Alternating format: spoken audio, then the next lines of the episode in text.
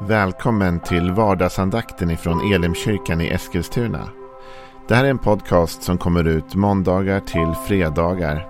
Om du vill veta mer om vilka vi är, vad vi tror på, hur du kan komma i kontakt med oss eller vad vi kan erbjuda dig för någonting så gå in på www.elimkyrkan.com. Får jättegärna gå in och likea vår Facebook-sida. Det är facebook.com elimeskilstuna. Eller så söker du upp oss på YouTube och då söker du på Elimkyrkan Eskilstuna. Vi vill jättegärna komma i kontakt med dig. Men nu lyssnar vi till dagens andakt. Välkommen till vardagsandakten. Vad roligt att du eh, är med. Jag heter Joel Backman och jobbar som pastor i Elimkyrkan. Den här veckan och i två veckor framåt så går vi i Elimkyrkan in i en period av bön och fasta. Och det kommer prägla även vardagsandakten för vi kommer tala om bön nu under ett par veckor. Men om du skulle vilja vara en del av den här bön och fasteperioden som Elimkyrkan har så kan du gå upp och läsa om det på elimkyrkan.com. Där står det om hur vi tänker och hur man kan vara med och hur det går till och vilka olika nivåer man kan vara med på. För vi tänkte att alla kanske inte är så vana och det är inte det viktiga heller utan man börjar där man är. Men om du under de kommande två veckorna skulle vilja ge lite extra fokus och näring åt din gudsrelation så gå in på elimkyrkan.com, läs om hur du kan vara med och vara med i vår fasteperiod. Och bön och fasta, det hänger ju ihop. Och bön är ju något oerhört centralt i Bibeln. Det är vår kommunikation med Gud. Och jag tänkte läsa med dig ifrån Lukas 11. Därför att det sägs några saker där som jag tror är både uppmuntrande och hjälpande för oss. Så Lukas kapitel 11. Från vers 1. En gång var Jesus på en plats och bad. När han hade slutat sa en av hans lärjungar till honom Herre, lär oss att be liksom Johannes lärde sina lärjungar. Då sa han till dem, när ni ber ska ni säga Far, låt ditt namn bli helgat. Låt ditt rike komma. Ge oss var dag vårt dagliga bröd och förlåt oss våra synder för också vi förlåter var och en som står i skuld till oss och för oss inte in i frestelse. Vet du vad som är uppmuntrande i den här texten tycker jag? Det är att det står så här att Jesus var med sina lärjungar på en plats här de bad. Och när han har bett, liksom, då säger en av hans lärjungar till honom. Herre, lär oss att be. Liksom Johannes lärde sina lärjungar. Och då kanske du säger, varför är det uppmuntrande? Jo, i min värld är det uppmuntrande därför att bön är inte något man bara automatiskt kan. Bön är inte något som alla troende eller alla människor i världen per definition vet exakt vad det är eller får till direkt, får att funka omedelbart. Alltså när den här lärjungen ber Jesus att lära dem att be så har ju han redan vandrat med Jesus ett tag. Det här är ju inte exakt i början av Lukas evangeliet utan nu är vi ju en bit in i Lukas evangeliet. Vi är kapitel 11 och ni vet att Lukas, det var ju läkaren, det var han som forskade efteråt, som i kronologisk ordning har försökt skriva ner evangeliet. Då fattar vi att det han har vandrat ett tid med Jesus. Och ändå, när han hör Jesus be, för det är det som har hänt här. Han har sett Jesus, han har iakttagit Jesus när han ber. Och han har känt, han ber på ett sätt som inte jag ber. Det finns någonting i hans samtal med Gud, hans relation med Gud, som funkar på ett annat sätt än, än vad det har funkat för mig. Och Jag vill ge dig som en, det som en uppmuntran till dig idag. Du som tänker så här, men jag vill be mer. Eller jag vill ha ett bättre samtal, en bättre kommunikation med Gud. Och du tycker kanske att det inte är så lätt jämt, utan det är lite kämpigt och det inte alltid funkar och det är svårt att få till. Till och med Jesu lärjungar som hade vandrat med honom ett tag sa lär oss att be. Och det hjälper oss att förstå att, att kommunikationen med Gud det är någonting man behöver lära sig. Det är någonting man behöver växa i. Det är någonting som får ta tid och där man kan bli bättre. Och det är ju inget konstigt. Jag menar, jag är gift eh, sedan många år faktiskt. Eh, och eh, ändå är det så att man lär sig hela tiden hur man kommunicerar bättre med sin partner. Trots att jag har varit gift i snart 16 år liksom, så lär jag fortfarande mig hur jag bäst pratar med min fru. Och hon lär sig säkert fortfarande hur hon bäst kommunicerar och pratar med mig. Och det är en livslång process av att lära sig kommunicera. Därför att vi är människor. Och det är inte alltid så lätt med kommunikation. Och samma med Gud. Det är en livslång process. Att landa i ett gott böneliv. Att lära sig hur man ber. Jesus svar till den här lärjungen är ju inte det är väl självklart, det vet du väl hur man ber. Så säger inte Jesus. Utan den här lärjungen säger till honom, Herre lär oss att be. Så ger Jesus dem faktiskt en mall, Fader vår. Han säger, så här ska ni be. Och jag ser Fader vår som en, en sån mall. Inte just som att det alltid måste vara precis de här orden. Men den innehåller en, en sorts formel för vilka saker som kan vara viktiga och bra att ha med när vi ber, när vi samtalar med Gud. Lär oss att be liksom Johannes lärde sina lärjungar. Den här lärjungen visste att Johannes döparen han hade undervisat sina lärjungar om hur de skulle be. Så vi förstår att det här är liksom en process som har pågått lång tid. Där människor i ett strävande, en längtan efter Gud har övat sig i bön. Och du kanske tänker så här.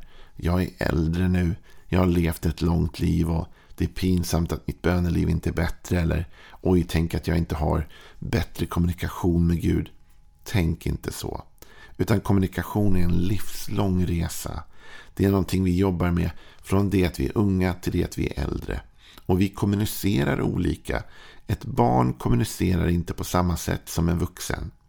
En fyraåring talar på ett sätt, en 18-åring på ett annat, en 36-åring på ett annat, en 80-åring, en 90-åring på ett annat sätt. Och eftersom vi förändras i vår kommunikation hela livet så förändras också vår bön. Eftersom bönen är en form av kommunikation. Så var inte nedslagen om du tycker att ja, men, nu har jag ju varit kristen så länge eller troende så länge och, och jag borde ju kunna det här. Utan vi förändras och vår kommunikation förändras med åren och med tiden. Det viktigaste är vår längtan att vilja. Att ha den här bönen med oss Herre, lär oss att be. Herre, hjälp mig att kommunicera med dig. Herre, hjälp mig att veta hur ska jag tala med dig. Och så kommer nästa grej då. Och det är det här med platsen. Och jag tycker det är lite intressant. Det står en gång var Jesus på en plats och bad. Det är lite intressant. Man kan tycka att det är lite onödig information för det står inte vilken plats han var på. en, en gång var Jesus på en plats. Jo, men det är klart. Han var på en plats. Han är inte, svävar inte runt liksom. Men poängen blir ju att Jesus hade utvalt troligtvis en plats, en miljö där han var och där han var för att be. Och i den platsen blev kommunikationen god. Och så är det ju för oss alla. I alla sorters kommunikation så behöver man ibland hitta en bra plats för samtal. Vissa samtal kan man ha när man står i en dörr, eh, en dörr bara och väntar på att gå in och ut. Och man hejar på någon och pratar lite. Vissa samtal passar det sig inte. Utan då bör man sitta ner, kanske i ett bra rum. Liksom, om du läst själavård, jag läste lite själavård. Då får man veta att men, rummet är viktigt, hur rummet är. Att det är ett bra miljö att sitta i när man pratar med allvarliga saker med någon och sådär. Platsen är viktig. Men den är viktig av rätt skäl och jag ska komma till det. Det är inte så att du och jag behöver tillbe på en viss plats för att Gud är närmre där. Eller för att då händer det minsann grejer. Faktum är att det där redde Jesus ut med en kvinna som frågade honom just om det. Är det viktigt vart det är jag ber? Och vi läser om det i Johannes 4, vers 19. Kvinnan sa Herre, jag förstår att du är en profet. Våra fäder har tillbett på det här berget. Men ni säger att platsen där man ska tillbe finns i Jerusalem. Jesus svarade, Tro mig kvinna, det kommer en tid när det varken är på det här berget eller i Jerusalem som ni ska tillbe Fadern. Ni tillber vad ni inte känner till. Vi tillber vad vi känner till eftersom frälsningen kommer från judarna. Men det kommer en tid, och den är redan här, när sanna tillbedjare ska tillbe Fadern i ande och sanning. Sådana tillbedjare vill Fadern ha. Gud är ande och de som tillber honom måste tillbe i ande och sanning. Den här kvinnan hon var från Samarien. Och samarierna de tillbad då på det berg som hon hänvisar till. Och judarna, som Jesus var en jude, de tillbad i Jerusalem. Och hon undrar, men vart är det man ska be? Och Jesus egentligen säger, det spelar ingen roll längre. Utan den som ber, det viktigaste är att man gör det i ande och sanning. Och vi kan återkomma till i vardagsandakten lite längre fram vad det kan innebära. Men poängen är, det är kommunikationen i sig som är det viktiga. Inte nödvändigtvis platsen. Men platsen kan hjälpa oss. Jag tänker att när Lukas säger att Jesus var på en plats och bad så var det ändå ett sätt att säga att han, han hade avskilt en miljö, en plats. Han var på ett visst eh, ställe när han bad och det kanske hjälpte. Vi kan läsa om det i Markus 1. Det är en hemsk eh, vers för oss som är lite trötta på morgonen ibland. Jag går i och för sig upp tidigt varje morgon men jag är väldigt trött. och i Markus 1 och vers 35 så står det så här. Tidigt på morgonen, medan det ännu var mörkt, steg Jesus upp och gick till en enslig plats och bad där. Så Jesus går upp tidigt och han går till en enslig och avskild plats för att be där. Och då kan man ställa sig den här frågan. Gick Jesus till den där avskilda platsen för att Gud var närmre där? Gick han till den där avskilda platsen för att Gud hade befallt att du måste tillbe just på denna avskilda plats? Eller var det något annat som gjorde att han gick till den plats han gick till? Ja, läser man vidare så ser man att det här hade egentligen inte med Gud att göra. Jesus kunde ha tillbett Gud var som helst. Så länge han tillbad i ande och sanning kunde han ha bett var han än var, när som helst. Men Jesus behövde avskildheten för sin egen skull. För om man läser vidare efter den här versen så står det så här. Vi läser versen och så läser vi vidare. Tidigt på morgonen medan det ännu var mörkt steg Jesus upp, gick ut till en enslig plats och bad där. Simon och de som var med honom skyndade efter. Och när de fann Jesus sa de till honom Alla söker efter dig. Så Jesus kan man säga rymmer. Han sticker undan. Han behöver få lugn och ro. Han vet att det är omöjligt för mig att få ett bra böneliv eller ett bra samtal med Gud just nu. Därför att Simon och de andra, de jagar efter mig. Och som Simon själv sa, alla söker efter dig. Det var sånt tryck på Jesus. Att Jesus visste att det är helt omöjligt för mig. Om jag är på den här platsen då kommer alla rycka i mig, dra i mig, vilja ha något av mig. Och jag kommer inte ha tid att stilla mig. Så jag behöver en avskild plats. Men platsen i sig var inte extra helig. Gud var inte närmre på den platsen än på någon annan plats. Men Jesus behövde den platsen därför att alla jagade så efter honom. Vet du, du och jag, vi kan ibland behöva göra platser i vårt liv där vi kan sitta och prata med Gud. Och de platserna är i sig inte heligare än några andra. Men de platserna hjälper oss.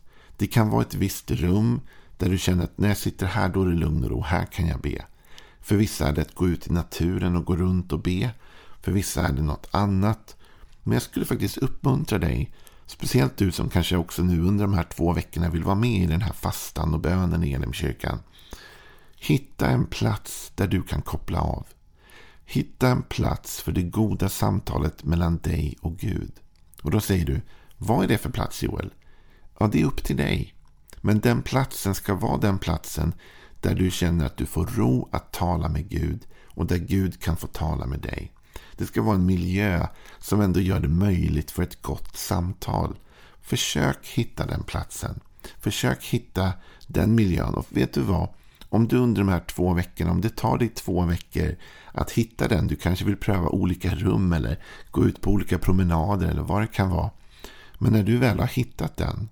Om det är det enda som kommer ur de här två veckornas fast eh, tid för dig. Så har du kanske har det varit värt allting. Därför att hitta en god miljö för ett samtal med Gud är helt avgörande. Det vet alla som har varit i djupa, viktiga samtal att rummet har ändå en poäng, en funktion. Men det är inte geografin i sig. Utan det är samtalet och det är samtalsmiljön vi är ute efter. Så jag vill uppmuntra dig idag att tänka två saker då. Nummer ett. Det är okej okay om din bön, ditt böneliv inte är på topp. Därför att det är en livslång resa att lära sig att samtala med Gud. Och till och med lärjungarna sa, lär oss be. Och det andra är att en hjälp på den resan kan vara att hitta en speciell plats där man får ro och där samtalet kan växa och bli det det är tänkt att vara. Fundera på de två sakerna så fortsätter vi imorgon med ännu mer om bön. Och om du vill vara med i Elimkyrkans bön och fasteperiod, gå upp och kolla på www.elimkyrkan.com och läs mer vad vi skriver där. Ha en välsignad dag. Hej då.